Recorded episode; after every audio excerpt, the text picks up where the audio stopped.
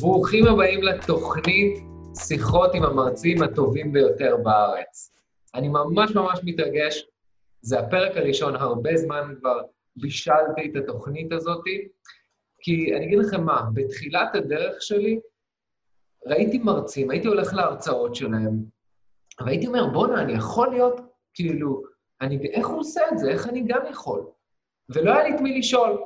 לא היה, לא היה לי איך, לא ידעתי מאיפה להתחיל. והמטרה של התוכנית הזאת היא לעזור לכם, אם אתם בתחילת הדרך, אם אתם באמצע הדרך. אני הולך לראיין את המרצים הטובים בארץ, שעובדים מול אלפי אנשים. המטרה היא לשאול שאלות קשות, המטרה היא לשאול שאלות אישיות, דברים ספציפיים, פרקטיים. אוקיי? אנחנו נראה פה פרקטיים, כי אני רוצה שיהיה לכם ממש כלים שתוכלו להשתמש בהם. ואת הפרק הראשון, זו זכות גדולה עבורי, אמ, הזמנתי פה מרצה סופר מיוחד, אמ, שבתחילת הדרך גם התייעצתי איתו. אמ, קוראים לו אלי שחף, הוא מייסד ומנכ"ל... זה נראה כאילו אתה לקרוא את השם שלי מדף. איפה אתה? לא יודע, ישבת כזה עם הדף, כאילו אתה לא זוכר. אה, לא, אני... רציתי לתת לך את הפיץ' הזה. אז קודם כל... תן את הפיץ', תן את הפיץ', קדימה. יאללה, אני אתן את הפיץ' ספונטני, לא מהזה שלך. קדימה. א', אז אני שמח להציג את אלי שחר, מנכ"ל ומייסד הרגלים אה, מנצחים, מומחה בכוח רצון ויצירת הרגלים. הוא יוצא בפני אלפי אנשים בשנים האחרונות. אז חברים, אה, יש לו גם ספר, שמונה ימים למסע לקילוף עצמי, אז אני שמח, אלי שחף, welcome. אהלן, תודה רבה. אני אגיד לכם משהו. אני הראשון. כן, הראשון, ובחרתי בך בגלל זה, בגלל שאתה דוגרי, ואנחנו מדברים, כשאנחנו מדברים, השיחות שלנו מאוד מצחיקות ומאוד כנות ואמיתיות, וחשוב לי שזה יהיה ה vibe שלנו, לא, הווייב יש, שלנו. יש האומרים שאני יותר מדי דוגרי, אבל בסדר. אני, אני יותר מבעד. אז אוקיי. ככה נתחיל, אלי. קודם כל, ככה, נכיר אותך קצת. רציתי לשאול אותך, אמ, מה היה הטריגר? מה גרם לך להיות מרצה? מה גרם לך לעבוד עכשיו עם אלפי אנשים? אז תראה, האמת, האמת היא שאני לא הייתי קורא לעצמי מרצה, למרות שאני עושה את זה כל הזמן. אני מאמן. Okay. אוקיי.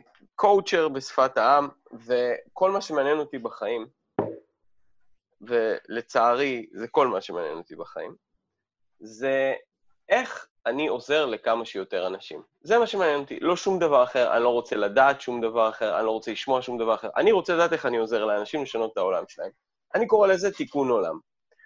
עכשיו, מהר מאוד בתחילת דרכי כבר הבנתי שתיקון עולם אי אפשר לעשות אחד-אחד. אם יש לך מתנה, אז לתת אותה לשני אנשים או לעשרה אנשים זה בזבוז, על גבול הגניבה. אם יש לך מתנה, תן אותה לשני מיליון. אז הדרך היחידה לעשות זה היא לעמוד על במות. היחידה, אין, אני לא מכיר דרך אחרת. ומיד הבנתי שזאת הדרך שלי, והדרך לעשות את זה הייתה לעמוד על במות. ומאז ומתמיד אה, ידעתי לעשות את זה באופן אינטואיטיבי כמעט. אז כך יצא. היה איזה אירוע ספציפי, איזה רגע שאמרת, That's the moment? אני לא חושב שזה היה רגע ספציפי, זה היה מאוד תהליכי אצלי. ממש כאילו... זה, זה, זה היה ב-ongoing כזה, כן. אוקיי. Okay. ויש לי שאלה, לך שזה מרצה ש... הוא גרם לך להתחיל, שעקבת אחריו הרבה? Uh, האמת שזה יישמע מצחיק, אבל הבן אדם שהכי הרבה uh, עקבתי אחריו, היה, לי בוס פעם. אוקיי. באיזושהי עבודה, שהוא לא היה מרצה גדול, אבל כשהוא היה מדבר, לא יכולת שלא להיות מרוכז. הבן אדם היה מחזיק אותך מאוד מאוד מרותק. הוא לא איזה סלב או משהו, הוא סתם היה הבוס שלי, בחור בשם דורון. ונורא למדתי ממנו איך לדבר מול קהל. זה שכשאתה רוצה להעביר מסר, זה חייב לבוא דרך סיפור ולא דרך עובדות, כי בעובדות אנשים מתחילים לאבד את זה. זה מאוד מאוד אהבתי את זה. מדהים. ותגיד, יש מישהו אולי שאתה עוקב אחריו היום, איזה מרצה ככה? ממש מסקרן אותי, כאילו, מאיפה ההשראה שלך וממי אתה לומד היום? אז האמת ש... קשה לומר שאני לומד איך להרצות. זה, זה לא משהו שאני לומד, אבל אני עוקב אחרי הרבה אנשים ומה שהם עושים. מאוד אוהב את גרי ויינרצ'אק, מאוד. Mm-hmm. אני, כל פעם שאני רואה אותו, אני רואה איך אני חושב. הוא אומר, הוא אומר את המילה fuck 20 פעם במשפט, כן? כן. אבל הוא מדבר מאוד, אז אני אומר שתיים. אבל הוא, הוא, הוא אומר, הוא מדבר מאוד דוגרי, והוא מאוד ישיר, והוא מאוד uh, מדויק, ואני מאוד אוהב אותו. את הבנאליה של טוני רובינס אני יכול להגיד גם, אני הייתי בכל הסדנאות שלו והייתי בחו"ל. היום מה. היום... היום, היום הוא הבנאליה, אבל אני רוצה, אני הייתי, אני הייתי מאלה שעוד, לפני שהוא היה כל כך פופולרי זה היה, ואני יכול להגיד שטוני רובינס באודיו, כאילו אם אתה לא רואה אותו, אני לא מסוגל לשמוע אותו. לא מסוגל לשמוע, כן, הקול שלו. לא, הוא לא, הוא לא כל כך מעניין אותי באודיו, אני לא יודע למה זה. אולי, אולי כשאתה רואה אותו הוא כל כך כריזמטי וזה לא עובר לי באודיו, אני לא יודע. אני... אבל אי אפשר לקחת ממנו את שלו, כן? ברור, חלוץ. אה, אני אגיד לך מה, אני בשבוע האחרון, אתה מכיר את ראסל ברנסון? כן. עכשיו, אני רוצה לשתף אותך וגם את הצופים. ראסל ברנסון זה משווק אמריקאי, והוא עשה משהו מגניב. הוא יש לו, הוא אמר, חבר'ה, אני עכשיו הולך לצלם קורס בלייב. כל מי שרוצה להצטרף לקורס בלייב, מוזמן להצטלם בשעות שאני אגיד, אין שידורים חוזרים. אתה בא צופה בקורס לייב, זה שלושה ימים, אה, שעתיים, שעתיים אה, כל יום עם הפסקה באמצע, ואז פתאום באמצע הקורס, אתה יודע מה הוא אומר לך? הוא אומר לך, תקשיב, זה חצי מהקורס. אם אתה רוצה את כל הקורס, אתה יכול לקבל אותו בחינם לשבעה ימים, אבל אתה צריך להירשם לתוכנית של... אוי, נו, אני לא אוהב את ההתחכמויות האלה. נכון. כן. זה רק... אני לא דוגרי. אתה יודע, בגלל דברים כאלה, אנשים אחרי זה בתור מרצים שונאים למכור, ואני לא אוהב את זה. אני מבין אותך, מה שאני בא להגיד לך, אני אשתף את זה, את הקהל, כי הוא, מה הוא אמר שם? אני, הוא, לא, הוא לא אמר מחירים, הוא אמר, אתה מקבל את זה, רק תגיד מייבי, רק תגיד אולי, תירשם לשבעה ימים, הצוות ילווה אותך, ואם תרצה, תמשיך אחרי זה ב-200 דולר לכל הקורסים שלו. עכשיו, אני אגיד לך למה אני משתף את זה לצופים, כדי להראות דרכים אחרות של מה היום חדש בשיווק. אני גם לא אוהב את זה, אבל הוא נתן קורס קורס, הוא נתן קורס במתנה, חצי קורס, הוא נתן קורס מעולה. כאילו, אז זה ככה סתם, שתדע שהוא ממש עשה את זה שבוע שעבר. אה, רציתי לשאול אותך, איזה תחוש... איזה אה, תקופה חשוכה הייתה לך בקריירה? אני אסביר למה אני מתכוון. בקולנוע יש מה שנקרא Dark Night of the Soul. אתה מכיר את זה שבדקה ה-70 של הסרט, הגיבור שבוז, הוא איבד את כל ה... זה? אז אני שואל בקריירה שלך, אה, איפה הרגשת, אה, לא שאנחנו מסכמים אותה, כן? אבל... זאת, זאת גם השאלה הראשונה שלך על הרצאות, איזה רגע הוא הכי חשוך בקריירה שלי? היו הרבה מאוד, הרבה, אני יכול להגיד לך הרבה מאוד. אז אני אשמח שתשתף כמה, כי חשוב לי להראות את כל הפן הזה, מעבר להצלחה ולדברים המדהימים, אף אחד לא מדבר על זה. נכון. חשוב להראות את המסע האמיתי שבן אדם עובר, ואת הזכות הזאת היא לעבוד עם כמות גדולה של אנשים, כאילו, זה לא מובן okay. אוקיי. מאליו. אז אני אשתף בשלושה רגעים של... אה, שלושה רגעים, אולי ארבעה רגעים. אני אשתף אחד, שניים מתחילת דרכי, אחד מהשוטף, ועוד אחד מהתקופה הזאת, שאני לא רואה אותה בתור המוארות. Mm-hmm. בתחילת הקריירה שלי, אני, אני הייתי שמן פעם, אני שקלתי עוד 25 קילו, ובאיזשהו שלב, לפני משהו כמו 11 שנה או 12 שנה, ירדתי במשקל 25 קילו, ושמרתי על זה כמה שנים, והפכתי להיות רץ למרחקים ארוכים וכל מיני דברים כאלה. וכשהתחלתי את הקריירה שלי, אז התחלתי אותה בלעזור לאנשים לשנות את הפן המנטלי של ירידה במשקל. אני לא הבנתי שמה שאני רוצה לעשות זה התפתחות אישית, אבל זה היה דרך הכיוון הזה. וכל פעם הייתי עושה הרצאות ומנסה להביא אותם לסדנאות שלי וזה, וזה היה כל כך לא מדויק לי, והגוף שלי ניסה לשדר לי את זה, שפעמיים רצוף בהרצאה שבעמל רב מילאתי ב-35 אנשים, חטפתי דלקת גרון, סטרפטוקוקים, שעתיים לפני הזה, ועליתי כזה כשאני מדבר, כאילו על אקמולים, גמור, מת, אף אחד לא קנה כלום. סיוט מארץ הסיוטים, באמת, אני לא יכול להסביר כמה זה היה סיוט. אתה יודע מה אני תמיד אומר? Mm. לבחור את הקהל, זה סט גודין, לבחור את הקהל שלך זה לבחור את העתיד שלך. זה אשכרה זה. הקהל שלך קורא... לא ידעתי, אתה צריך לדייק את עצמך בדרך. Mm-hmm. עוד רגע שהוא רגע שפל אה, מאוד קשה, הבן שלי, תומר, הוא היום בן 12. אה, הוא היה בין גיל 5 ל-6, שתבין mm-hmm. שאני הייתי, זה היה לפני אה, 6 שנים. שתבין שכבר הייתי שנתיים, שלוש בתוך העסק, אני חושב שזה היה אז. כן. אולי שנתיים בתוך העסק, לא זוכר, קשה לי להיזכר. והיה קיץ, ואשתי אמרה לי, בוא נרשום את תומר לחוג שחייה. והחוג שחייה עלה 890 שקל. Mm-hmm.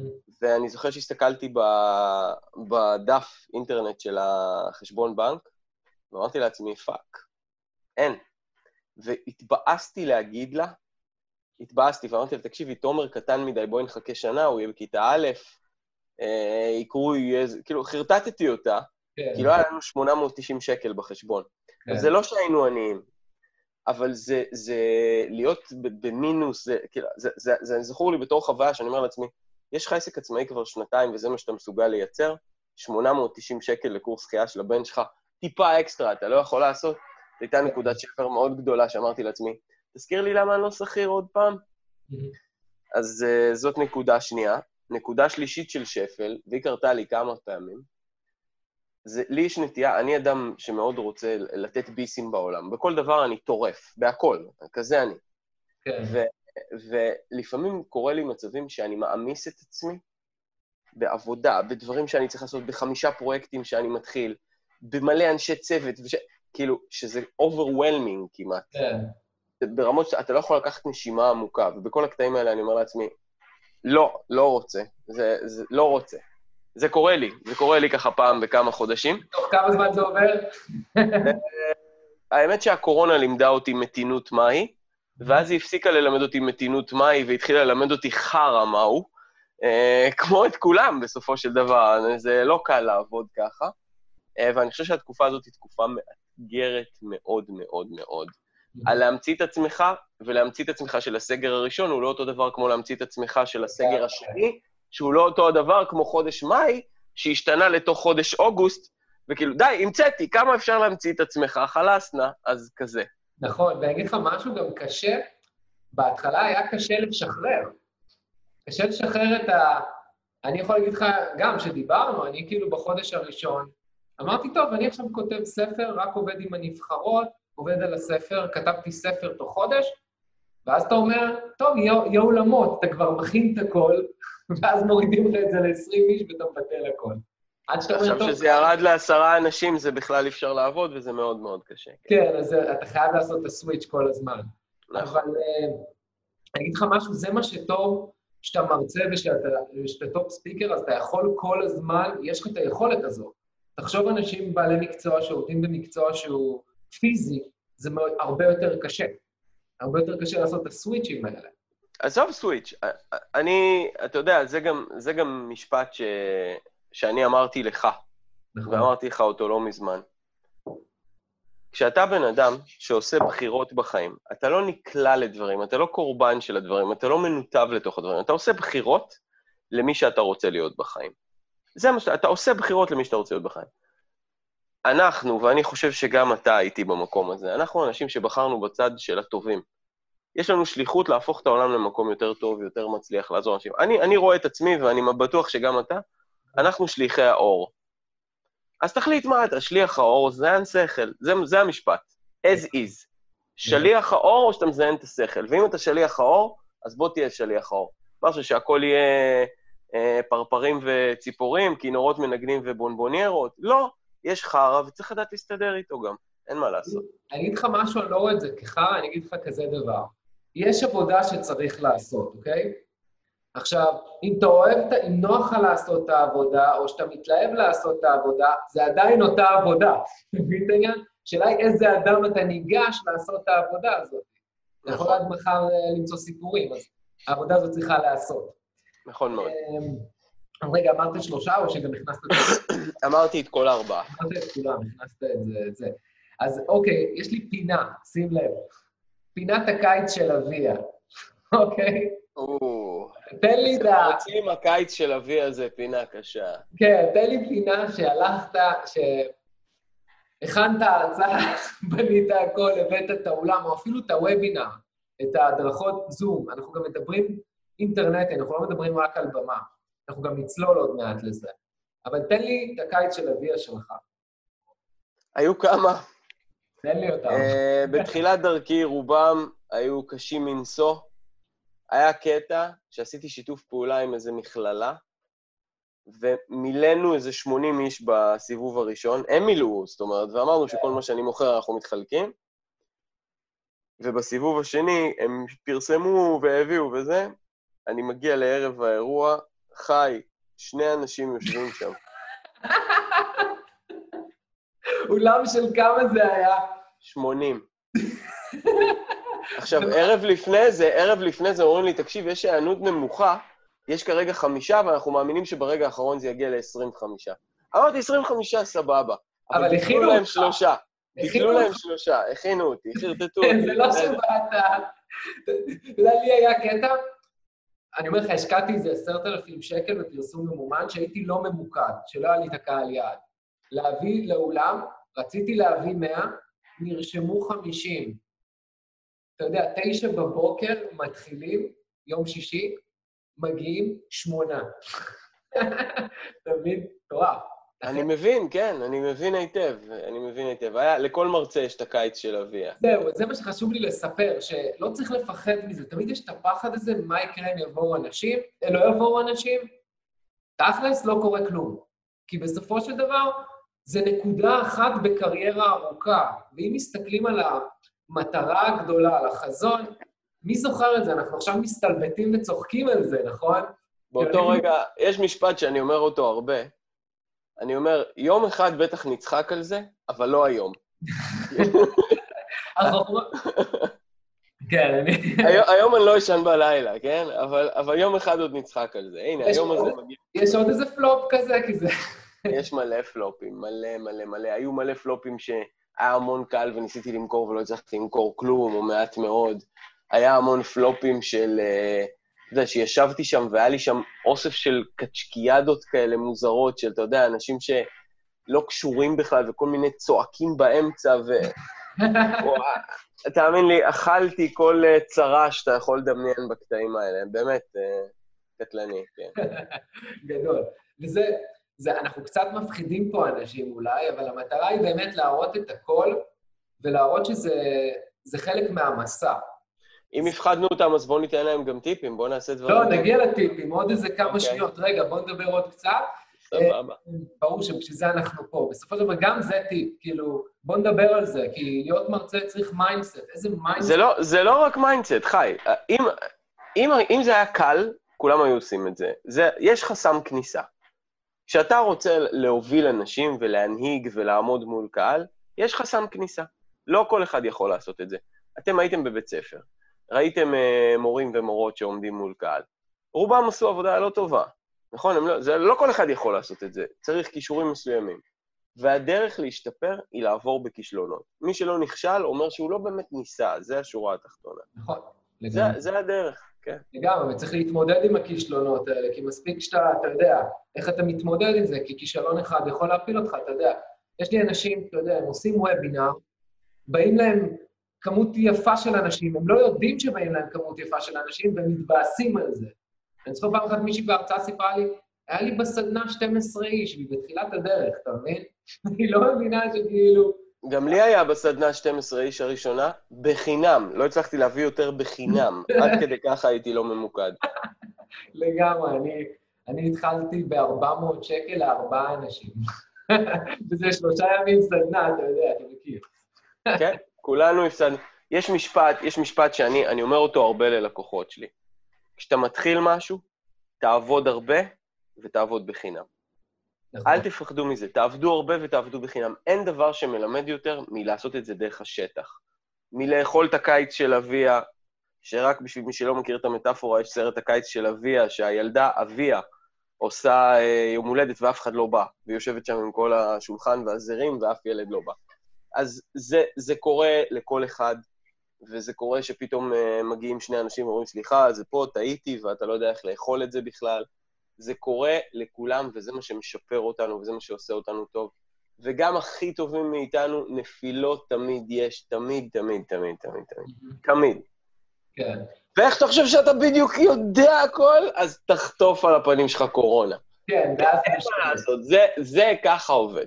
בוא נדבר עכשיו על הקורונה. אני רוצה שתגיד לי, א', איך זה השפיע עליך, אה, ומה היית גם מייעץ לאנשים לעשות בקורונה, מדברים שאתה עושה למרצים, מאמנים, אם זה... מה היית ממליץ? בוא, בוא, בוא נתחיל רגע, עוד שנייה אני אסביר מה אני עושה, אבל אני, אני אגיד רגע מילה על הקורונה. אף אחד לא יודע מה עושים. בואו, מי שאומר שהוא יודע מה עושים, הוא משקר. זה לא היה דבר כזה אף פעם, זה משבר שסופו לא נראה בעין, אין לנו שום שליטה על זה. זה לא שכאילו יש פה משבר כלכלי שאתה אומר, אוקיי, המדינות יזרימו כסף ויהיה בסדר. עד שהמשבר הבריאותי לא יעבור, יהיו בעיות. יש פה, יש פה אישו כבד, שהוא כלל עולמי, ו... ואף אחד לא יודע מה לעשות באמת. בואו נתחיל מזה. אז עכשיו אני יכול להגיד מה אני עושה, וזה הכי טוב שאני יכול להגיד. Mm-hmm. מה שאני עושה, בגדול, למי שלא הבין מההתחלה, אני מאמן. אני מאמן אה, לא רע, נגיד ככה. אני NLPיסט. מה שאני עושה, אני עוזר לאנשים ליצור שינויים מאוד מאוד מאוד מהר באמונות המקבילות שלהם, מה שנקרא הרגלי חשיבה, וככה אנשים משנים את התוצאות שלהם במהירות מאוד מאוד גבוהה. זאת אומרת, אתה יכול לראות בן אדם שהדברים שהכי... יוצ... הרי כולנו יכולים לעשות כל דבר, פשוט אנחנו עוצרים את עצמנו על, על מחשבות, על אמונות. בשנייה שאתה יוצר שינוי בדפוסי חשיבה, fuck, בום, הכל משתנה, הכל פתוח. כמובן שאז אנחנו מגלים דברים אחרים שאנחנו צריכים לשנות, אבל מאוד מאוד מהר אפשר להשתנות ולייצר דברים אחרים. אני, אני אגיד לך מה אני חושב על התקופה הזו. אני חושב שא', זו תקופה שאנשים גם צריכים ללמוד להשתנות וגם צריכים לרכוש יכולות. אני חושב שזה היום הכי חשוב. היכולת של בן אדם לא להיות תלוי באף אחד אחר, לא במדינה, לא בממשלה, ולא משנה כמה זה קשה, אוקיי? או כמה זה מצריך אה, זמן והשקעה, אבל ללמוד איך, איך להציע, איך לשווק, איך למכור, איך לדבר מול קהל, קריטי, קריטי, קריטי, קריטי, ואני אגיד לך משהו... אלו, אלו דברים שלא קשורים לקורונה, זה קריטי בכל דבר, בכל רגע. אלי, גם אם עכשיו תלך למקצוע אחר, הסקילס שיש לך, היכולות שיש לך יעזרו לך, אתה מבין? יעזרו לך לשגשג, ולא אפילו לשרוד. אתה מבין את העניין? ואנשים צריכים לרכוש את היכולות האלה, כי אני חושב שאלה דברים שלא לימדו אותנו בבית ספר. לא לימדו אותנו... אתה יודע, אגב, שבארצות הברית, למשל, המקצוע של לעמוד מול קהל, presentation ו debate, זה מקצוע שלומדים אותו בבית ספר. ברור, זה מקצוע... וחייבים לדעתי ללמוד לעמוד מול קהל בבית ספר. מי שלא יודע לעמוד מול קהל, יש, ניר דובדבני פעם אמר את זה, שההבדל בין מומחה ללא מומחה זה 20 סנטימטר של במה. ברגע שאתה עומד על במה, אתה אוטומטית מומחה, וזה באמת נכון. אם אתה לא יכול להציג רעיון לאנשים אחרים, אז, אה, אז מה עשינו בזה? אבל רגע, חי, לאן קפצת? אנחנו מדברים על הקורונה, לא? מדברים על הקורונה. איך התחלנו לדבר על... לא, אני מדבר לך את הזווית שלי של הקורונה, שאני חושב שהיא גורמת לאנשים להתעורר עם כל הקושי, ואני חושב שאתה רואה מי פה יזם ומי פה עושה את השינוי. כי כמו שאמרת, זה שינויים כל הזמן. זה כל שנייה אתה מחליף, משנה את השם, בודק, ומי שמשתנה כן יכול, אתה יודע, להתנהל, ולא להיות תלוי בשום דבר. אז תמשיך, סליחה עם ה... שקטעתי אותך. אתה צריך להזכיר לי את השאלה, אני כבר בגילי, תשמע, לא צעיר, אני לא... איך זה השפיע על העסק שלך, ומה אתה מייעץ לי עכשיו? אני מרצה, אני מטפל, אני מאמן, שהוא רוצה לעבוד עם אנשים או עובד עם אנשים, מה אני צריך לעשות? אוקיי, אז ההשפעה הייתה מהירה ומיידית. זאת אומרת, אני הייתי בסיטואציה שאני עמדתי, לה... כשהיה את הסגר הראשון בהתחלה, הייתה לי סדנה של שלושה ימים עם 90 לקוחות. הסדנה הייתה אמורה להתחיל ביום רביעי, סדנה של שלושה ימים, וביום שבת אמרו, אין התכנסות, סגר, אין סדנה. וההבנה שלי פתאום, שיש לי עכשיו 90 איש, שיגידו לי, תחזיר את הכסף של סדנה של שלושה ימים, גרמה לי להבין שאני יוצא פה לקרב של החיים שלי. Mm-hmm. אם אני לא יוצא לקרב של החיים שלי, סיימתי, סיימתי פה. כאילו, זה... אתה יודע כמוני איך עובדים עסקים, ואתה יודע כמוני שעסק עובד על מחזור, כל הכסף ששימש להביא את האנשים לסדנה כבר הוצע ושולם, ואם עכשיו כולם ירצו את הכסף חזרה, אז uh, אני בבעיה, לא סתם בעיה, אני בבעיה מאוד גדולה. ו, ובעצם, גם אחרי שזה טופל, והיה יום שאמרתי לעצמי בסוף היום, וואו, זה היה קרב של חיי, mm-hmm. אז פתאום אתה יוצא לקרב אחר, שאתה מבין בעצם שאף אחד מהמוצרים שלי, אף אחד אני לא יכול לספק אותו. אני צריך להמציא הכל מההתחלה. ואז בסגר המצאתי, ו- והיו מכירות אדירות בהתחלה, ממש. היה חודש אחד שאפילו עליתי מעל הממוצע החודשי שלי. מדהים. אז שחררו אותנו, ועוד פעם מכרתי סדנה, ועוד פעם סגרו אותנו, ועוד פעם הייתי צריך לבטל אותה. וזה, אותם אנשים! זה אותם. אנשים. אני אני גם, משל, כאילו, אותו דבר. וזה כאילו, ואתה, ואתה אומר לעצמך, ו, ויש פה ייאוש מאוד גדול ועייפות מאוד גדולה, אתה אומר לעצמך, תגידו לי, משוגעים, אתם אומרים עכשיו מותר להתכנס עשרה בחדר, ולא משנה אם זה המשרד שלי פה, עשרה מטר מרובע, או אצטדיון כדורסל, זה עשרה אנשים. תחשבו שמישהו שם למעלה חושב, והאימפקט שיש לזה על עסקים כמו שלנו, זה אימפקט שהוא מאוד מאוד חזק. מאוד. ואני מוצא שבאי-ודאות עכשיו, זה מוצ... דורש ממני להמציא את עצמי פעם שנייה או שלישית כבר, וזה בהחלט לא קל. כן. בהחלט לא קל. זה מבחן מאוד מאוד מאוד גדול. ואיך אתה עם הדרכות אינטרנטיות, וובינארים, זומים? זה מעולה, אני עושה את זה. אגב, זום, אני בחברה שלי השתמשתי עם הצוות בזום שנה לפני הקורונה. ווובינארים הייתי עושה גם קודם, לא אהבתי לעשות, כי אני הרבה יותר אוהב לעמוד מול קהל. ואני אומר את האמת, אני גם לא אוהב לעבוד בערב, ווובינר זה בערב ברוב המקרים. למשל, מה שאנחנו עושים עכשיו, אני... בוקר. מה שאנחנו עושים עכשיו, מחמש וחצי אמרתי לעצמי, הנה, על רבאק חי שגיא והשטויות שלו. אבל כן, אבל זה, וזה המצב. ואמרנו שאני דוגרי, לא? כן, אין לי בעיה.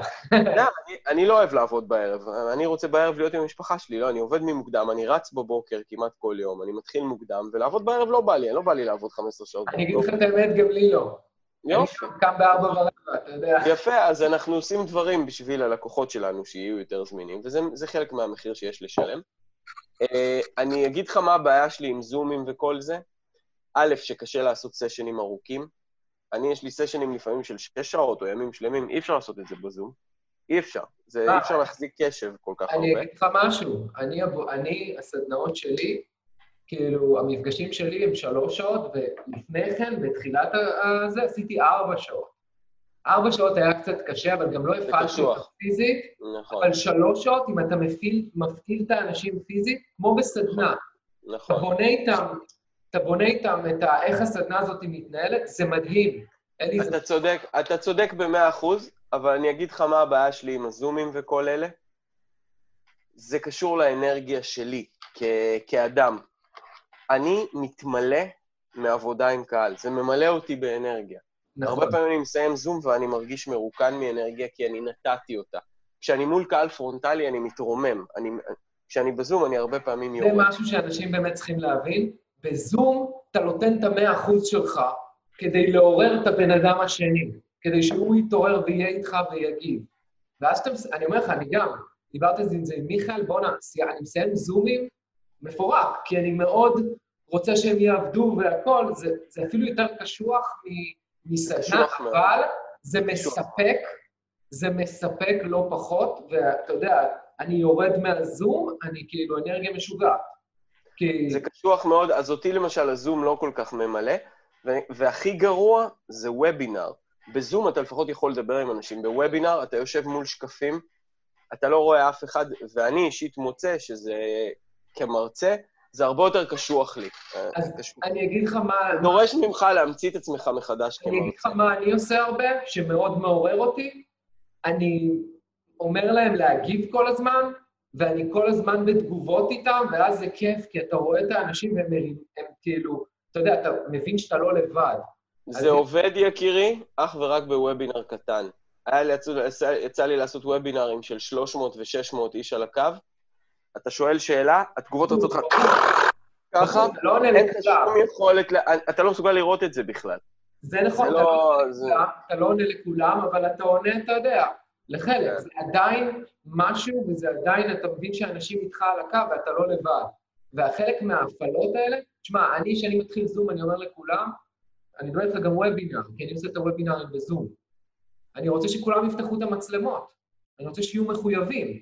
אתה מבין? זה גם איך אתה קובע את החוקים של הסדנה ושל הזום, וזה זה, זה משפיע על, על האנרגיה שלך ועל האנרגיה שלהם מן הסתם. נכון. אה, איזה הכנות יש לך לפני אה, וובינארים, לפני הדרכות, לפני זומים? אוקיי.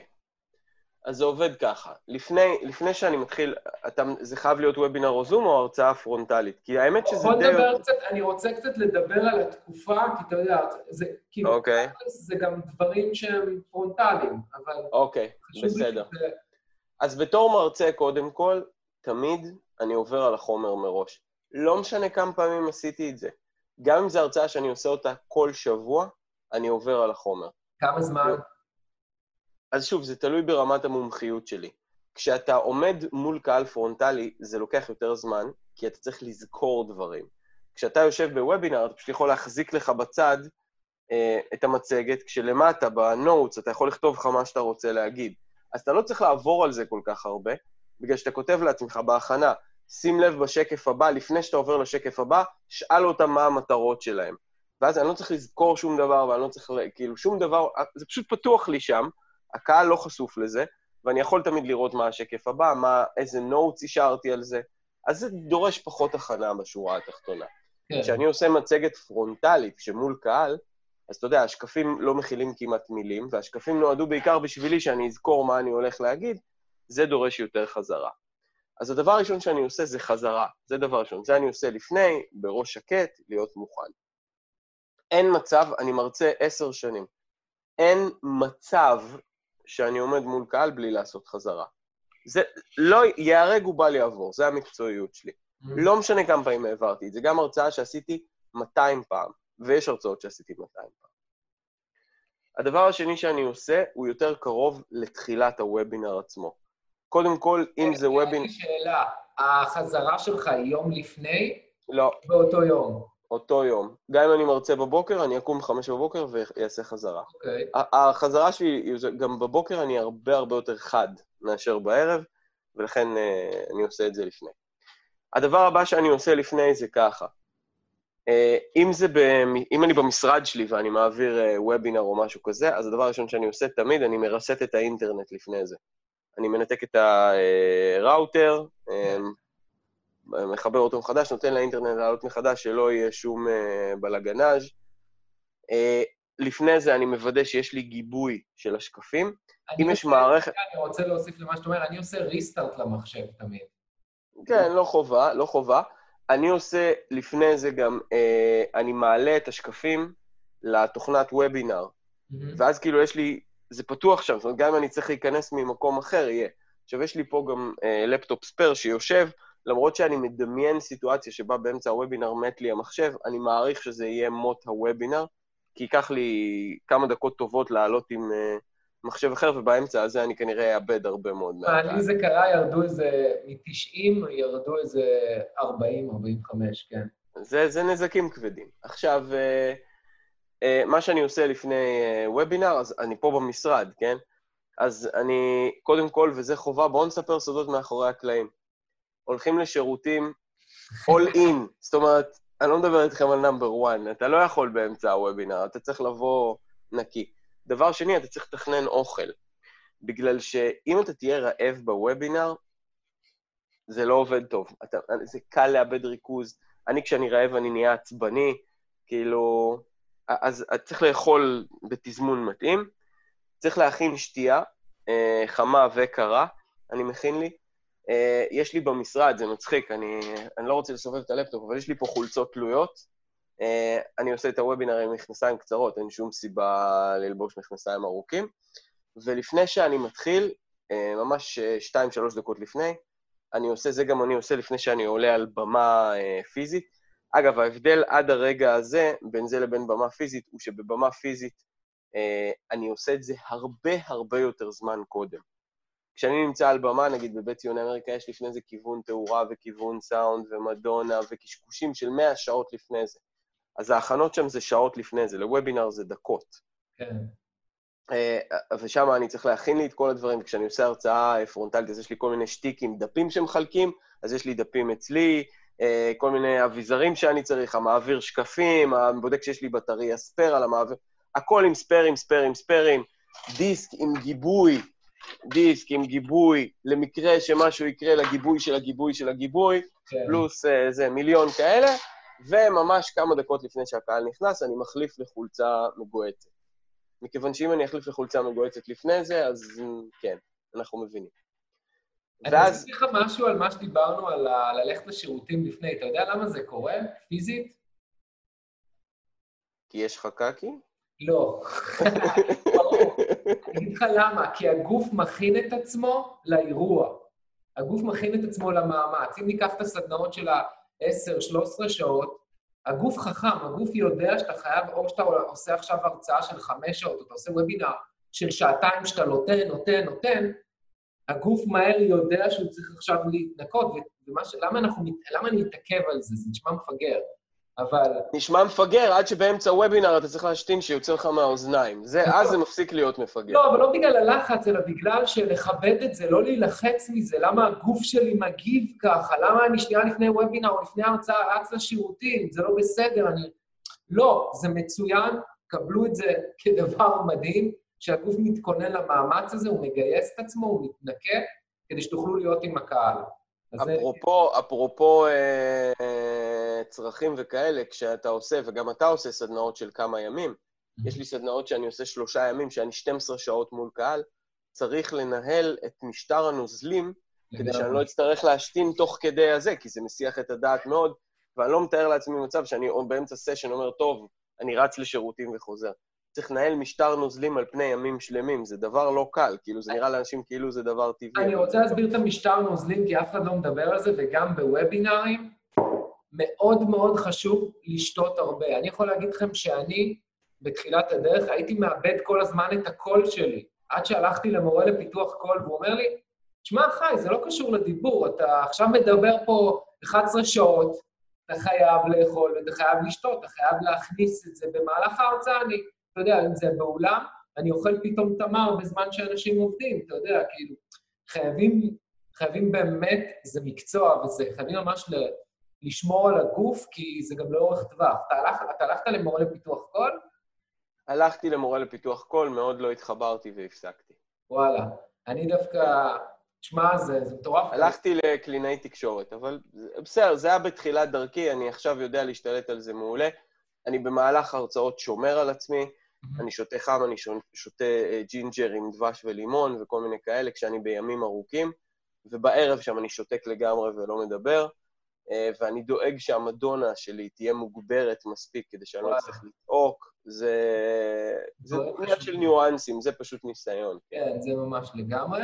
נכון. אמ, רגע, אני מחזיר את עצמי לשנייה שלפני שאני מתחיל, חמש דקות לפני. אז לי יש טקס שאני מתכונן איתו להרצאות, הוא נכון גם לוובינארים והוא נכון גם להרצאות, וזה שבסוף הקהל מרגיש את התדר שלך. תמיד. הקהל מרגיש תדר. אנשים מרגישים תדר בין אנשים. למשל, יש אנשים שאתה מתקרב אליהם והם לא טובים לך. אתה יודע את זה שהם לא טובים לך בלי שהם ידברו. או שיש אנשים שאתה נורא נמשך אליהם, זה תדר.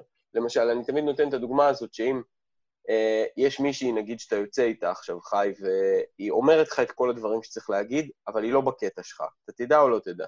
ברור. ברור, כי זה תדר. זאת אומרת שאני, כשאני עולה לבמה, ש... אני רוצה שתבינו רגע את ה-state of mind. אנחנו, אנחנו צריכים לדבר על state of mind, כי אני חושב שזה הדבר המרכזי. כן. כשאתה עולה לבמה, ה-state of mind צריך להיות, כאילו, רבאק, אני קיבלתי פה מתנה. לא אחת, הרבה. אחת המתנות זה שאנשים באים לשמוע אותי. מתנה שנייה זה שקיבלתי את היכולת לעזור להם. מתנה שלישית זה שקיבלתי את היכולת לדבר איתם. מתנה רביעית זה שהם באים מוכנים לשמוע, אף אחד לא הכריח אותם. ויש פה כל כך הרבה גורמים שהתכנסו כדי שאני אוכל לתת את המתנה שלי. וזו אחריות שלי לבוא ולתת להם אקסטרה.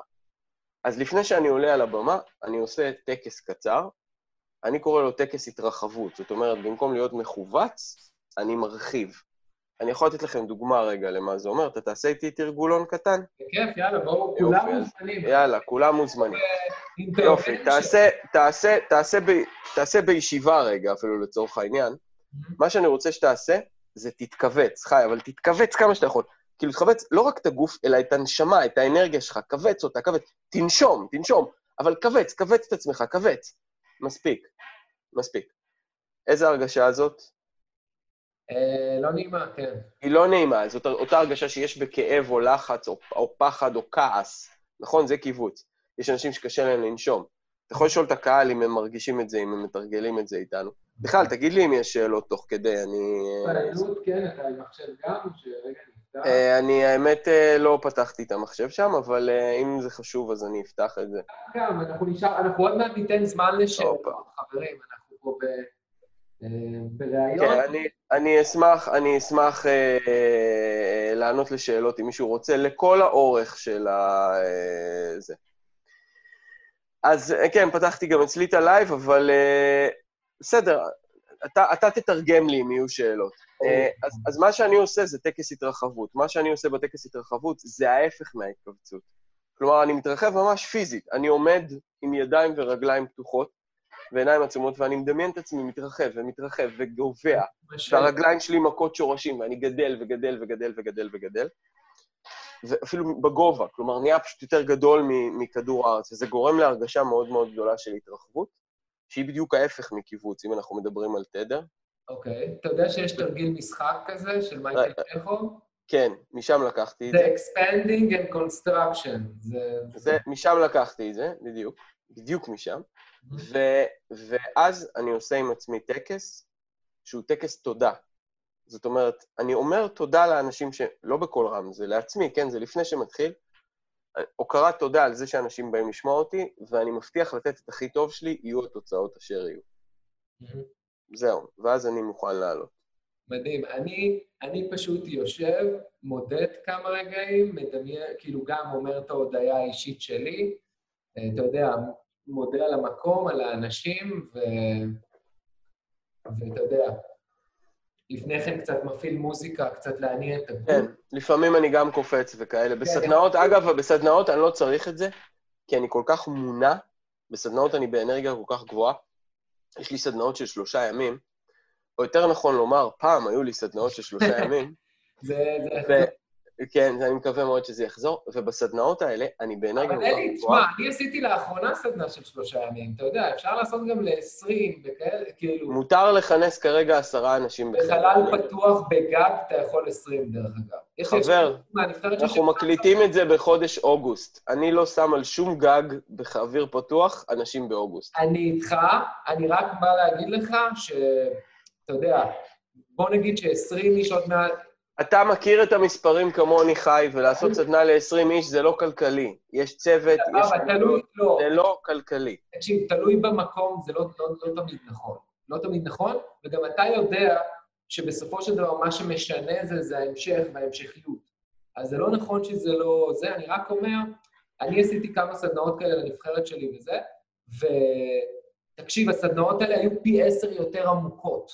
אנשים גם מרגישים צורך לזה, וזה היה סדנאות תשמע, כאילו... אין לי ספק שאנשים בסדנה ירגישו... תשמע, אנשים באים בסדנה בשבילי, אני... וכשהם באים בשבילי, הם רוצים כמה שיותר מהזמן שלי והתשומת לב שלי. כשיש 100 איש בסדנה, יש אנשים שאני, אתה יודע, יום אחרי זה אראה אותם ברחוב, אני לא אזהה אותם. כן. הם לא יהיו מוכרים לי. נכון. וב-100 איש אתה מקבל אותי על במה, אבל מרוחק. ב-20 איש אתה, אתה יודע, אתה בלבן של העין, כן? אני אגיד לך מה, מה אני אוהב, ב, מה, מה זה מזכיר לי, זה קצת לחזור אחורה להתחלה. אתה מבין? לעשות סדנאות קטנות חוזר להתחלה, וגם יש בזה משהו יפה. כאילו, אני לא... אתה יודע, אני מתאים את עצמי לתקופה, ובסופו של דבר גם להנאה שלי, כאילו, אתה יודע, זה שריר גם, זה מסל שאני כל הזמן... אה, חשוב לי כל הזמן לשמור על השייפ הזה. זה כמו שאתה רץ. אתה מבין? לפעמים אתה רץ ריצה ארוכה, ולפעמים אתה רץ את הריצה הקצרה, לשמור על השריר. נכון. אז רציתי לשאול אותך מה הרגל חשוב למרצים, אמרנו פה הרבה הרגלים, שאפשר ליצור אותם uh, זה. נכון. Uh, בואו נדבר קצת uh, טכניקות. טכניקות, דברים פרקטיים. אני עכשיו בוובינר שלך, איזה טכניקות אתה יכול לעזור לי לגרום לי להישאר בשידור? כי הרבה אנשים תמיד יוצאים החוצה, אפליקציות מוציאות אותם. איזה טכניקות היית נותן למרצים פה? ואם יש פה שאלות... כמה? יש לי לא מעט.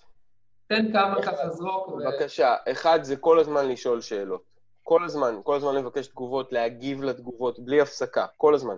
לחשוב שזה זה רב-שיח בינך לבין האנשים. דבר שני, צריך להפעיל אותם. בואו תכתבו לי את זה, בואו תאמרו לי את זה, בואו, כל הזמן.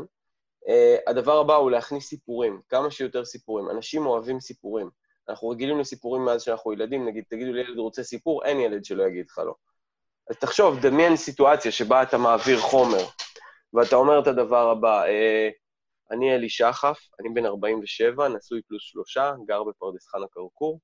אה, אני מאמן, אה, אני עושה את זה כבר עשר שנים, אימנתי משהו כמו 4,000 איש, יש לי טכניקות מאוד טובות. לעומת להגיד ככה, דמיינו יער חשוך. אני בקילומטר ה-57 של ריצת אולטרה מרתון, עייף, זאת כבר השעה ה-11. כרגע ירדתי מהר מאוד גבוה. אז יש הבדל מאוד גדול באיך אתה מספר סיפור. גם אתה יורד לפרטים, אתה גורם לדמיין, ואז אני איתך. אתה חייב לגרום, לעזור לאנשים לדמיין את הסיטואציה, זה הרבה יותר מעניין. וכמה שיותר סיפורים, יותר טוב. כן. אז זה שתי טכניקות על uh, קצה המזלג. אוקיי. איך אתה מתמחר את המוצרים שלך, גם בתקופה הנוכחית, בוא נגיד? איך, לפי מה אתה... תמחור מוצרים, יש, אתה יודע, תיאוריות כלכליות מפה ועד מחרתיים, אבל יש דרך אחת הכי טובה בעולם לתמחר מוצרים, ואני ממליץ לכל לקוחותיי לתמחר את המוצר שלהם בדיוק באותה צורה. תחשבו מה המחיר הכי גבוה שאתם יכולים להגיד ללקוח, וזה ירגיש לכם נורמלי. זאת התשובה. אם שקל אחד יותר מזה, תגידו לעצמכם שזה לא מתאים, אז תורידו שקל. ואתם תראו שככל שתעשו את זה יותר, הרף שבו אתם יכולים למכור הולך ועולה, הולך ועולה.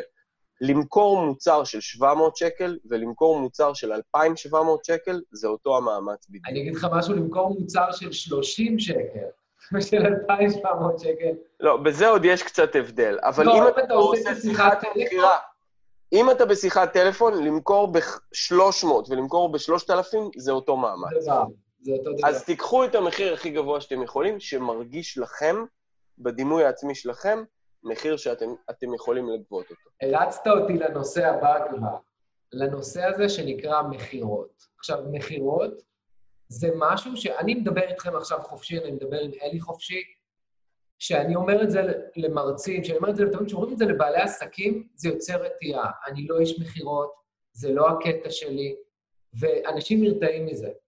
והדבר הזה פשוט, כאילו... בוא, בוא נבהיר קודם משהו. הרצאה היא דבר שהוא טריגר.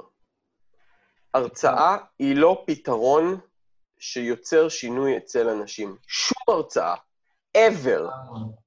הרצאה היא טריגר, הרצאה היא כן זינוק לדבר הבא. הרצאה היא משהו שנועד ליצור עניין כדי שאנשים יעשו משהו. הרצאה היא לא stand alone של שום דבר. ולכן המטרה היחידה של הרצאה, היחידה, זה להעביר אנשים לשלב הבא. אין שום מטרה אחרת להרצאה. zero, none. אני איתך, אתה יודע, יש הרבה אנשים שיש להם את הסיפור האישי שלהם, וחשוב להם לספר את זה, ואני כל הזמן אומר להם, חבר'ה, מה ההמשך? זה שאתה עכשיו מעורר השראה למישהו, זה מעולה. מי שיש לו הרצאה מעוררת השראה ולא יודע לגרום לאנשים לעשות את הצעד הבא, לא יתפרנס מזה. בוא. ברור. מי שגם יש לו הרצאה אחת, יהיה לו מאוד קשה, וצריך ללמוד לבנות סדרה של הרצאות. לכל אחד. סדרה של הרצאות... מכם, אל תלחצו, כי כל אחד מכם יש לו שפע של תחומים, שפע של ניסיון, וגם אתם לא למדתם בהרצאה אחת, אז אין פה מה בכלל... יש איזו פנטזיה כזו לפעמים של אנשים, שאתה יודע, אתה בא להרצאה ואתה מצפה לקבל את הכל. אתה מכיר את זה? בוודאי. כל מה שהבן אדם למד שנים. אז אל תיבהלו גם אם יש אנשים כאלה. יכול להיות שהם לא האנשים שמתאימים לכם, למסע איתכם, אבל המטרה שלנו ללוות את האנשים ולשנות הרגלים. הרגל לא משתנה מהחלטה של עשיתי ופעם אחת. זה יומיומי או שבועי, לא משנה מה, כל אחד וההרגל שלו. אז בואו נדבר קצת... אה, אה, רגע, שאלת שאלה על מכירות. כן, זהו, זה מה שאני... מה שאני אומר הוא שההרצאה תמיד טומנת בחובה מכירות. או שאתה מוכר את ההרצאה, או שבסוף ההרצאה אתה מוכר. אבל אם לא תתבצע שום פעולה אקטיבית לגרום לאנשים להמשיך בסוף ההרצאה, לא יהיה לכם כסף בחיים ולא יהיה לכם אימפקט בחיים. אנחנו עושים את מה שאנחנו עושים כי יש לנו שליחות לעזור לאנשים ליצור משהו אחר. אם לא נמכור להם את המשהו האחר, לא יהיה את המשהו האחר. כי זה... ואחד הדברים, רגע, שנייה, אחד הדברים שאני הכי מוצא שמפריעים לאנשים בנושא מכירות, זה חוסר הבנה בסיסית של מה זה מכירות. וחשוב להבין את הדבר הזה. קודם כל, אני אגיד, אני אגיד רגע את ההבדל בין עצמאי ושכיר, ואחרי זה אני אדבר על מה זה מכירות. שכיר זה אדם שמקום עבודה סוחר את זמנו, מכאן המילה שכיר, בשביל לעשות פעולה מסוימת. עצמאי צריך קודם למכור את זה בשביל לעשות את הפעולה המסוימת. זאת אומרת שכל עצמאי הוא קודם כל איש שיווק ומכירות. ואם אתם מדקר מעשה אה, רופא אלטרנטיבי, רוכב אופנועים לתצוגה או לא יודע מה, כל מקצוע שהוא. אתם אומרים, רגע, אבל אני עזבתי את הוודאות, עשיתי הכל רק בשביל שאני אוכל לעשות את המקצוע שלי, לא מעניין אותי להיות איש שיווק ומכירות. אז התשובה היא שאם לא תהיו איש שיווק ומכירות, גג תוכלו להתפרנס בדוחק. אנחנו חייבים ללמוד טכניקות של שיווק ומכירות. אין דרך לברוח מזה, אני מצטער. זה חלק מלהיות עצמאי. המנטורים הכי גדולים בעולם, ככה הם התחילו. טוני רובינס, אתה יודע, הוא, נכון. הוא, הוא מכר כרטיסי נכון. אשראי, יש סרטון... רגע, בוא נשבור את המיתוס השני. שאנשים אומרים, רגע, אז אני אביא מישהו שימכור, אני אביא מישהו. אז יש פה בעיה.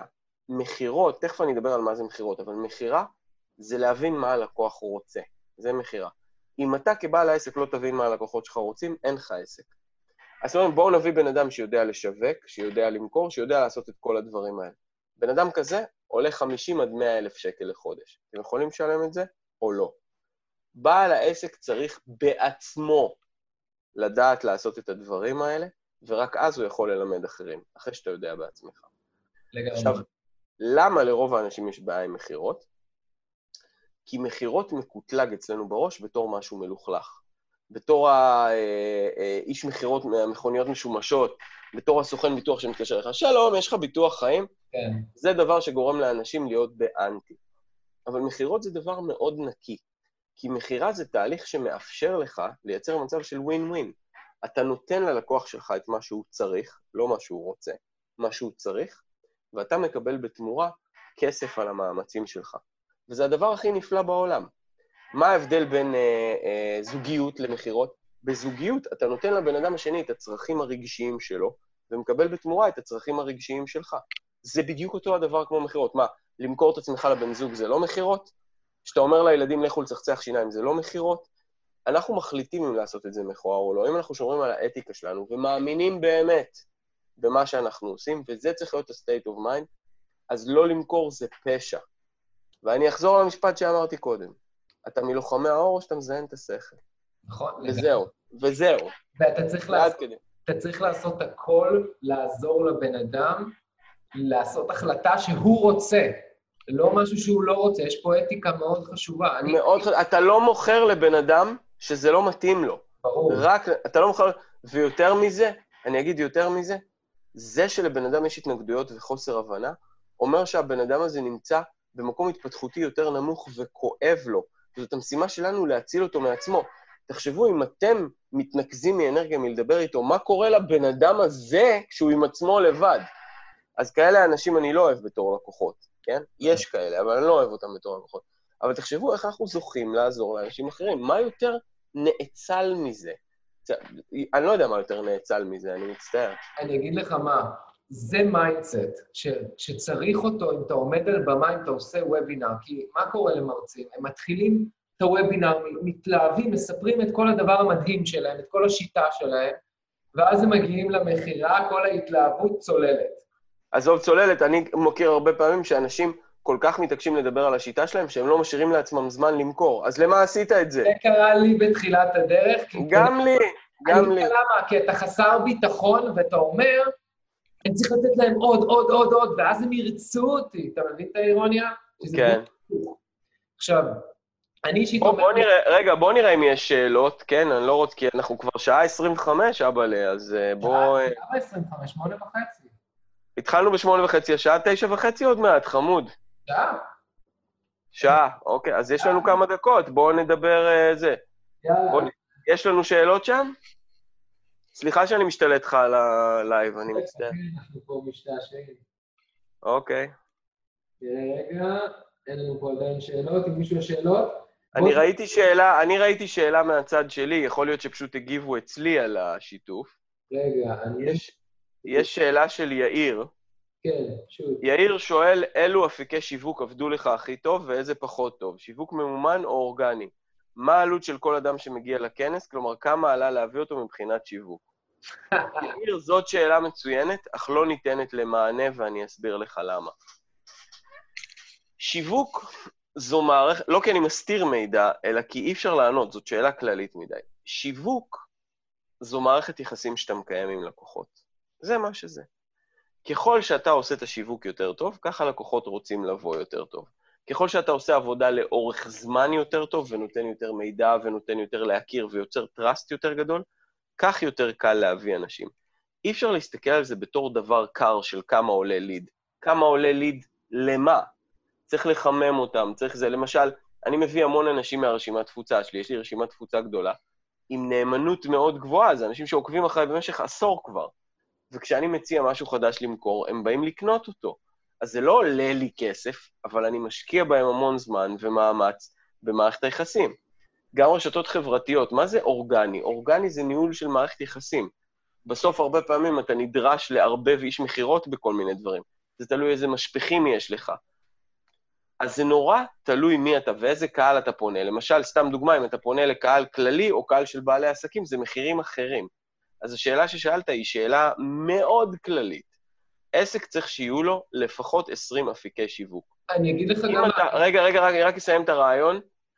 אם אין לך 20 אפיקי שיווק, זה לוקח זמן לבנות אותם. ואתה סומך רק על פייסבוק, מה שיקרה זה שיום אחד יקום מרק צוקרברג על צד שמאל, וישנה את האלגוריתם שלו, ואין לך כלום. או שפתאום יהיו בחירות, ופתאום כל ליד עולה 700 שקל. אז אין לך כלום. אי אפשר להסתמך על שיווק בפייסבוק, או בגוגל, או באינסטגרם, או בטיקטוק. שיווק זו מערכת שלמה של שיחה עם לקוחות. וככל שהמערכת הזאת יותר טובה, ויותר יעילה ועובדת יותר זמן, כך היא יותר אפקטיבית, וזה מוריד את המחיר של להביא בן אדם. אני אגיד לך עוד משהו, גם יכול להיות שלפעמים שווה לשלם הרבה יותר כסף על ליד, אבל כי המוצר הוא יקר ושווה את זה, אז זה גם יחס שקשור לשווי המוצר. זה לאו דווקא הכי זול זה הכי טוב. לפעמים אני יכול לשלם הרבה כסף אם המוצר שלי הוא יקר, אז זה באמת, אה, צריך להבין את כל המערכת, ולהבין הכי חשוב שזה מערכת יחסים. אוקיי? נכון. אה, בואו נדבר על נושא שרציתי שנדבר עליו, ארגונים וחברות. זה משהו שחשוב פה למרצים, אה, למאמנים.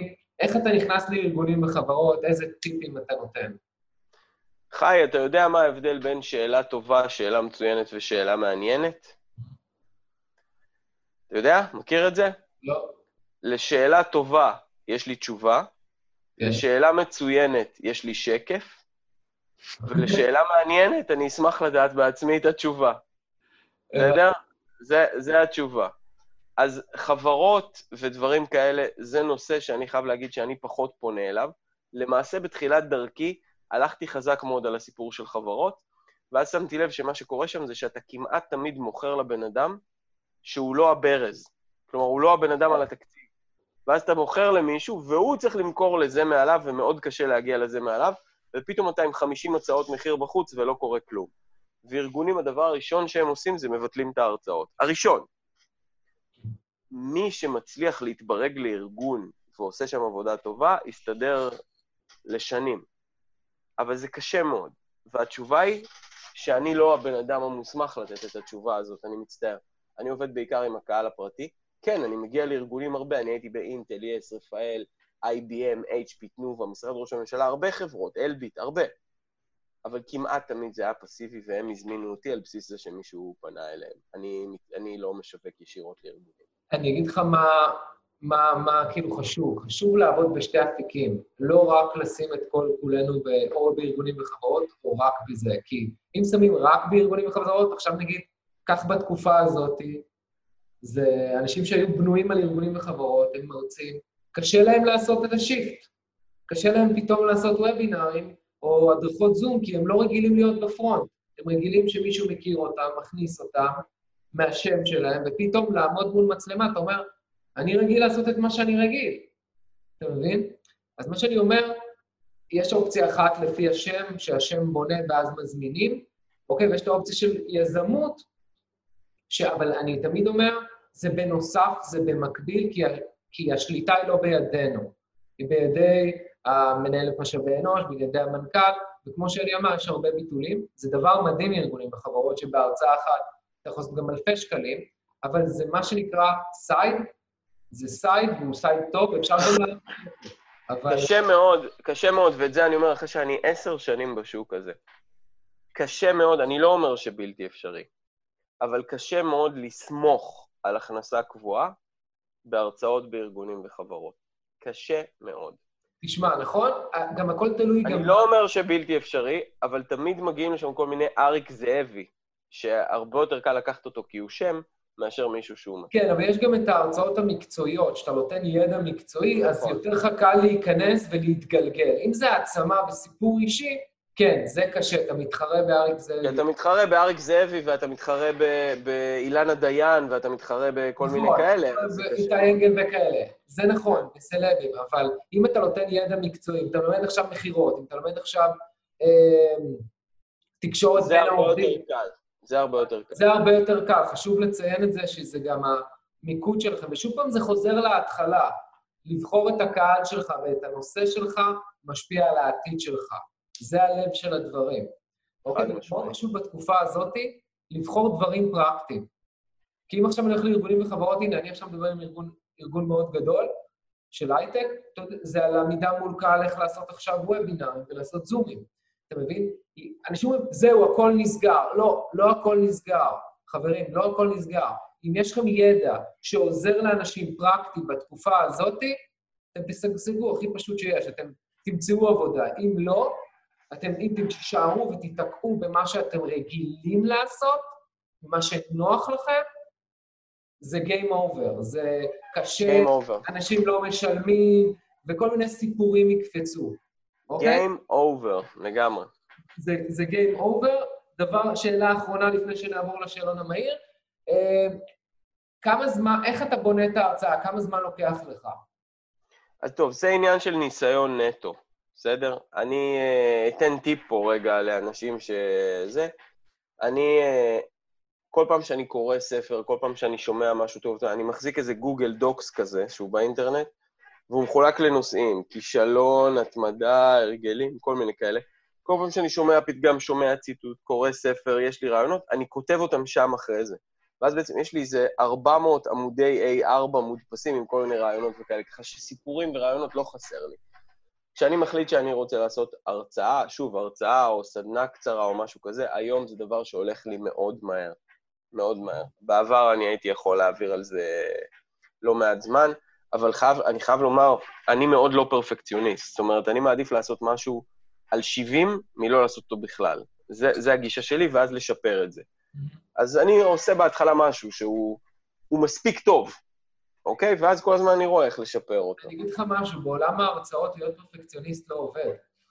כי אתה יכול... בשום עולם זה לא עובד, חיים. נכון, תכלס, אבל פה אתה יכול לפנטז עד מחר את המילה המדויקת, ואז אתה פוגש את הקהל, ואז בסוף ההרצאה בן אדם אומר לך, תשמע, אה, כבר, אה, כבר שמעתי את זה. כי לא... כבר הייתי, כבר הייתי מהעבודה בהרצאה כזאת. כן, כי הייתי בהרצאה, כאילו לא שברת לו את ההתנגדויות, או לא ענית לו לצרכים.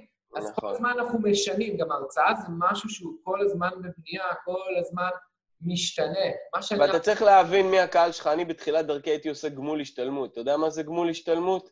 יש כל מיני אנשים שהם עובדי מדינה, שהם מחויבים בהשתלמויות כדי לקבל תוספת שכר, אז מביאים אותם לכל מיני מלונות בטבריה, באילת וכל מיני זה, ומכריחים אותם לבוא להרצאות, רושמים שמות שהם לא יברחו לך.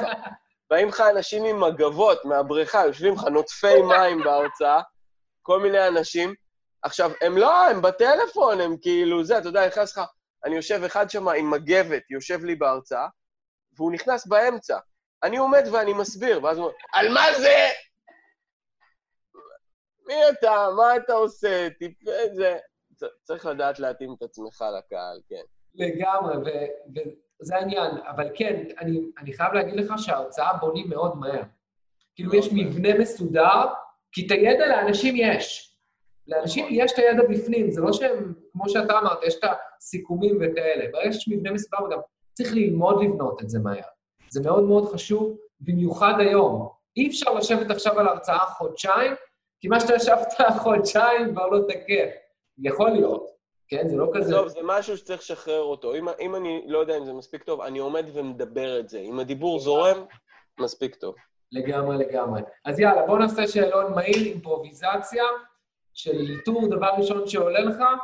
אה, מה בחיים לא תעשה לפני הרצאה או פרזנטציה? אוכל בננה. זה משהו שאני לא עושה אותו בחיים בכלל, אז בוודאי לא לפני ההרצאה. בעד או נגד שימוש מצגות? בעד. אמ, איזה מקצוע היית עושה חוץ מהרצאות ואימון? סורי. אין. מה היית... מה נותן לך מוטיבציה? הייתי אולי יזם מסוג אחר, אבל לא... לא... אוקיי, fair enough. מה נותן לך מוטיבציה ברמה היומית? הרבה דברים. אחד, המימוש שלי. המימוש שלי, זה הכי חשוב לי. אה, זה שיש לי לקוחות וכסף, אני מודה, זה בהחלט מוטיבטור. אוקיי. מי הבן אדם שהכי השפיע עליך? כנראה ההורים שלי. ההורים שלך? מגניב. כנראה, כן. ספר התפתחות אישית או עסקית, אהוב עליך ביותר. מה שקופץ. שמונה ימים מסע לקילוף עצמי מאת אלי שחף. אני כתבתי אותו, אבל הוא ספר מהמם, הוא ספר עלילתי עם כלים של התפתחות אישית. ספר מעולה. אוקיי. אפשר למצוא באתר שלי, גגלו אלי שחף, כן. לגמרי. אה, מהי במת החלומות שלך? אז פעם זאת הייתה היכל התרבות, זה 1,500 אה, מקומות. אה, היום אה, אני נושא עיניי לפראגה וכל מיני במות גדולות. אני חושב שזה השלב הבא עבורי. מגניב. איפה אתה בעוד עשור? עושה אותו דבר, רק אטרקטיבי הרבה יותר, עם הרבה יותר קהלים. כן. אוקיי. Okay. זה מה שאני עושה, that's what I do, זהו. לא יהיה פנסיה, לא יהיה כלום. הלוויית המנוח תצא מהבמה. זה מה יהיה כתוב על הקבר? לא נראה לי, לא. אה, משהו ש... יהיה כתוב על הקבר, היית בעל נפלא, התחתנתי איתך כשהייתי בת 18, ואתה בן 90, ותראה לאן הגעתי, כן. אוקיי. אוקיי, אה, כן. משהו שאף אחד לא יודע עליך. אין כזה דבר. מה זה אף אחד? אשתי יודעת הכל עליי. לא יודע, הקהל לא יודע, נו. פו. כמו שראית, אני אדם די גלוי. אני יודע, כששואלים אותך. אני לא אוהב לרקוד. אתה לא אוהב לרקוד. מגניב, ואתה מרכיב את הקהל שלך, יפה. בלי הפסקה, אבל אם זה היה תלוי בי, לא הייתי רוקד. וואלה, מדהים.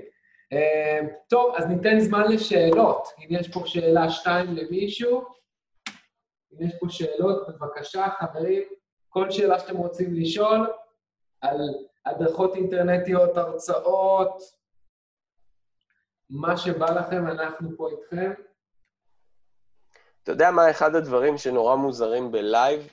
כן. כשאתה עושה לייב בפייסבוק, יש בערך 40 שניות בין הרגע שאתה אומר משהו לעד שהם שומעים אותו. ואז רק הם מתחילים לכתוב. אז יש דיליי, לפעמים של דקה, דקה וחצי, בין הרגע שאתה אומר משהו עד שקורה משהו. אני לא... זו פלטפורמה מאוד מוזרה. אני אגיד לך מה, אני בדרך כלל, מה שאני עושה, אני אומר, חברים, תרשמו לי פה בתגובות, יש תמיד דיליי, אני בינתיים משתה כוס מים, שותה את הכוס, ואז אומר, חברים, אני מזכיר לכם, תרשמו לי פה בתגובות, ואז הם עולים. אתה מבין? כאילו, אני כן. מושך, מושך את זה בדרך כלל עם מים, ובדרך כלל מושך את זה כאילו, חוזר את זה פעם. יש דילה, דילה, כמו שאומרים בטורטלים, כן. לגמרי. בוא נראה, ראיתי פה משהו. אתה רואה שם משהו?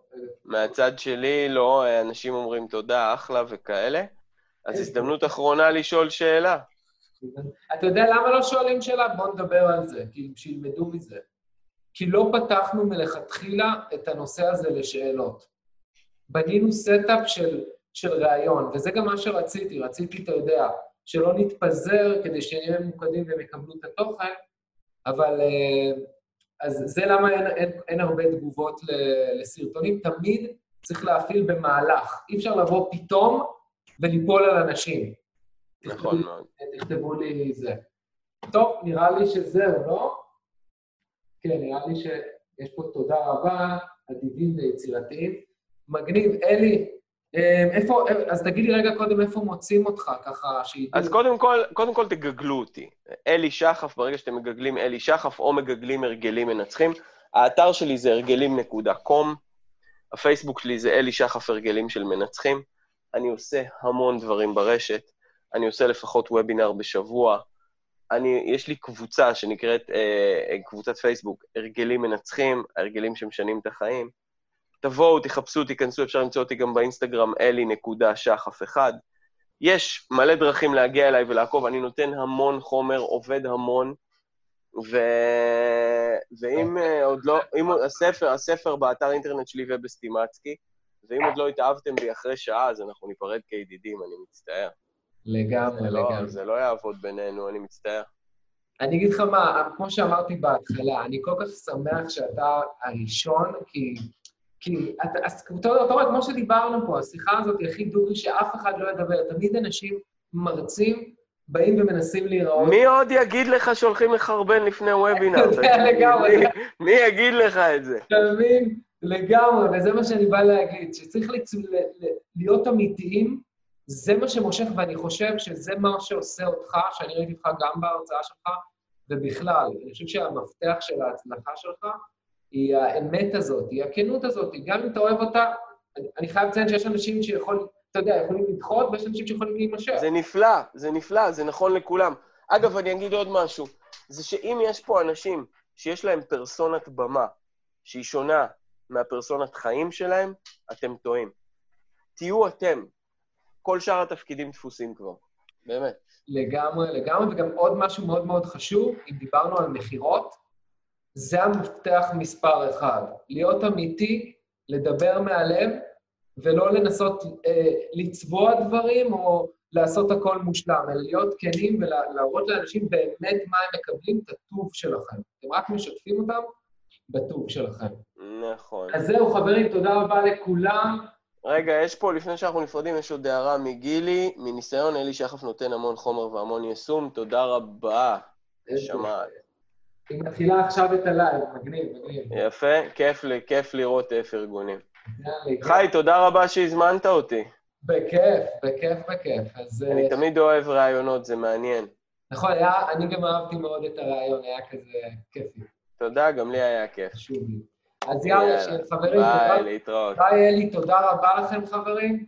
שבוע הבא, כל שבוע אנחנו עושים ריאיון עם מרצה חדש, מרצה מוביל בארץ, וזהו, שיהיה לכם המשך ערב נפלא, ואנחנו מחכים לראות את ההרצאות שלכם, את הזומים שלכם. חבר'ה, אנחנו לא פה עושים סתם, אנחנו רוצים שזה יהיה פרקטי. כמו שדיברנו, כל הרצאה מניעה לפעולה. אז פה אין מכירה, יש פה בעיקר, חבר'ה, לתת לכם את ההשראה, את הכוח, להראות לכם שזה אפשרי, ולהראות לכם את האמת כל הדרך. אז זהו, חברים. אז שיהיה נפלא, ונתראה. ביי, צ'או.